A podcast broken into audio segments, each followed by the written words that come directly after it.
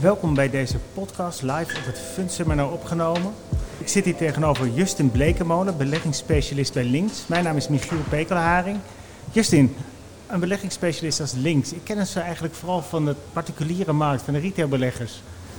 Vertel Ja. eens, hoe, hoe richten jullie ook op de professionele markt? Ja, dat klopt. Eh, we zijn inderdaad vooral bekend eh, als broker voor de particuliere beleggers. Hè. Dus iedereen kan eh, zelfstandig eh, aan de slag bij ons, eh, een rekening online openen en eh, gaan beleggen. Maar sinds een aantal jaren richten wij ons ook op de zakelijke markt. En daarbij ja, bieden we eigenlijk diensten aan aan eh, vermogensbeheerders.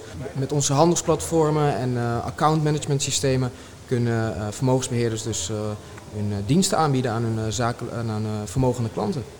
En, en zie je eigenlijk ook verschillende bewegingen bij jullie traditionele retailklanten en bij die ja, vermogensbeheerders eigenlijk? Zie je daar bepaalde andere manieren van positie kiezen, eh, andere marktsegmenten bespelen?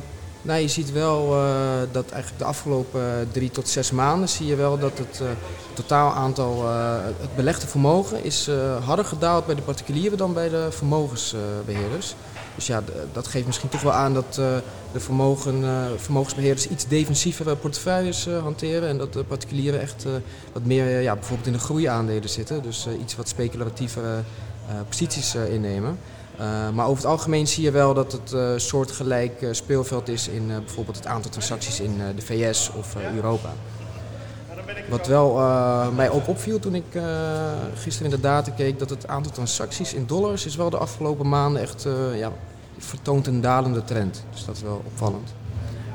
Een van de dingen die me opvalt aan de Nederlandse brokermarkt is dat er best wel een consolidatieslag geweest is. Je hebt natuurlijk met Flatex de Giro, met Saxo en Bink. Um, welke positie neemt links daarin in dit speelveld in? Ik bedoel, ik kan me voorstellen dat er meer op prijs wordt geconcurreerd. Waar, hoe positioneren jullie je? Ja, zeker tot een uh, aantal jaren geleden was het echt een, een slagveld hè, in de brokermarkt. Steeds lagere prijzen. Uh, maar op dit moment positioneren wij ons echt meer voor de ervaren belegger. wij bieden natuurlijk ook geavanceerd handelsplatform aan. dus ja, serieuze beleggers zijn bij links aan het juiste adres om bijvoorbeeld actief te handelen in derivaten. Hè, dus zoals bijvoorbeeld futures, maar ook opties zijn zeer goed te verhandelen via ons platform. Zeker aangezien we tools bieden die het makkelijk maken om complexe optiestrategieën in één keer in te leggen bijvoorbeeld. Dus eigenlijk gewoon een soort van meer de niche opzoeken in plaats van het massa gebeuren. Ja, zeker. In, in die zin richten wij ons op de iets meer ervaren, ervaren belegger inderdaad. En zijn daar er veel van in Nederland? Ik kan me voorstellen dat het beleggingspubliek de laatste jaren, met name tijdens corona, toch behoorlijk gegroeid is. Beleggen in no time volkssport nummer 1 geworden bijna. Hebben jullie daar wat van gemerkt? Ja, zeker. Uh, tijdens uh, de coronacrisis uh, was het echt dringen geblazen. Hè? Overal hoor, ook de concurrenten. Maar ja, toen hebben we heel veel nieuwe klanten mogen verwelkomen. en nog steeds is links een partij die een, ja, flinke groei laat zien ieder jaar.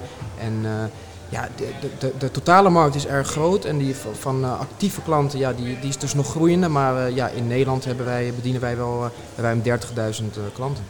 Zijn er nog bepaalde nieuwe initiatieven waar jullie op inzetten? Nieuwe tools, nieuwe andere zaken om wat, wat meer verder te kunnen groeien, groter te kunnen worden? Ja, kijk, uh, via links uh, kun je natuurlijk gebruik maken van het uh, TWS handelsplatform. maar dat ja, vinden sommige klanten toch vaak nog iets te ingewikkeld. En links heeft daarom ook een eigen webtrader gebouwd. Dat ook klanten via een iets simpelere omgeving via de web eigenlijk ook kunnen beleggen via links. Ja, op zich het beursklimaat heb je natuurlijk de afgelopen maanden niet echt mee. Het nieuwsklimaat ook niet. We lezen van alles over hoge inflatie, oorlog in Oekraïne. Uh, nu ook weer gewoon een scherpe crash van het Britse pond. Um, wat worden de sleutelwoorden voor de komende maanden? Wat, wat, gaat de nieuwsstroom de komende maanden bepalen? Ja, dat is natuurlijk uh, lastig te zeggen om uh, vooruit te kijken. En misschien een beetje een saai antwoord. Maar eigenlijk denk ik dat deze thema's ook nog de komende kwartalen nog steeds belangrijk gaan zijn voor de beurzen. Uh, we zien nu bijvoorbeeld, het is wel opvallend, dat de olie- en gasprijzen zijn de afgelopen twee maanden, uh, afgelopen week echt flink gezakt, hè, ruim 30 procent. Uh, maar dat wil niet zeggen dat het probleem nu is opgelost. We hebben natuurlijk gezien dat in de VS de strategische oliereserves worden vrijgegeven. Nou, de vraag vanuit China valt nog eens altijd een beetje tegen vanwege lockdowns. Maar eigenlijk verwacht ik dat ja, de olieprijs, ja, dat olie en gas belangrijk blijven de komende jaren. En dat zie je ook wel aan het feit dat veel bedrijven en overheden toch weer gaan investeren in deze sector. ja, ExxonMobil zei het nog eerder deze week. Zij verwachten dat tot 2050 zeker 13 biljoen dollar aan investeringen nodig zijn in de olie- en gassector. Omdat ja, toch wel is gebleken, hè, nu de afgelopen jaar, dat, uh, dat we niet zonder olie en gas kunnen voorlopig.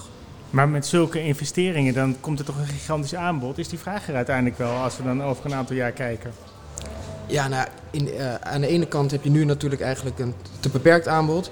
En uh, ja, over een aantal jaren zal het, uh, zal het aanbod weer te, groot zijn. En ja, dan verwacht ik eigenlijk ook weer dat de olieprijzen weer gaan terugkeren naar lagere niveaus. Maar voordat al die investeringen natuurlijk als aanbod op de markt komt, ben je al wel weer een paar jaar verder. Ja, olie en gas natuurlijk ook belangrijke elementen in de hoge inflatie die we de laatste tijd zien. Als ik dan kijk naar de olieprijs voor, ja, voor een vat Brent-olie is het nu 85 dollar ongeveer. Dat was ja, begin maart 130 dollar. Die daling gaat die er niet voor zorgen dat de energieprijzen volgend jaar juist door inflatie heel erg omlaag drukken. In plaats van dat ze hem heel erg opsturen, wat we de laatste maanden gezien hebben?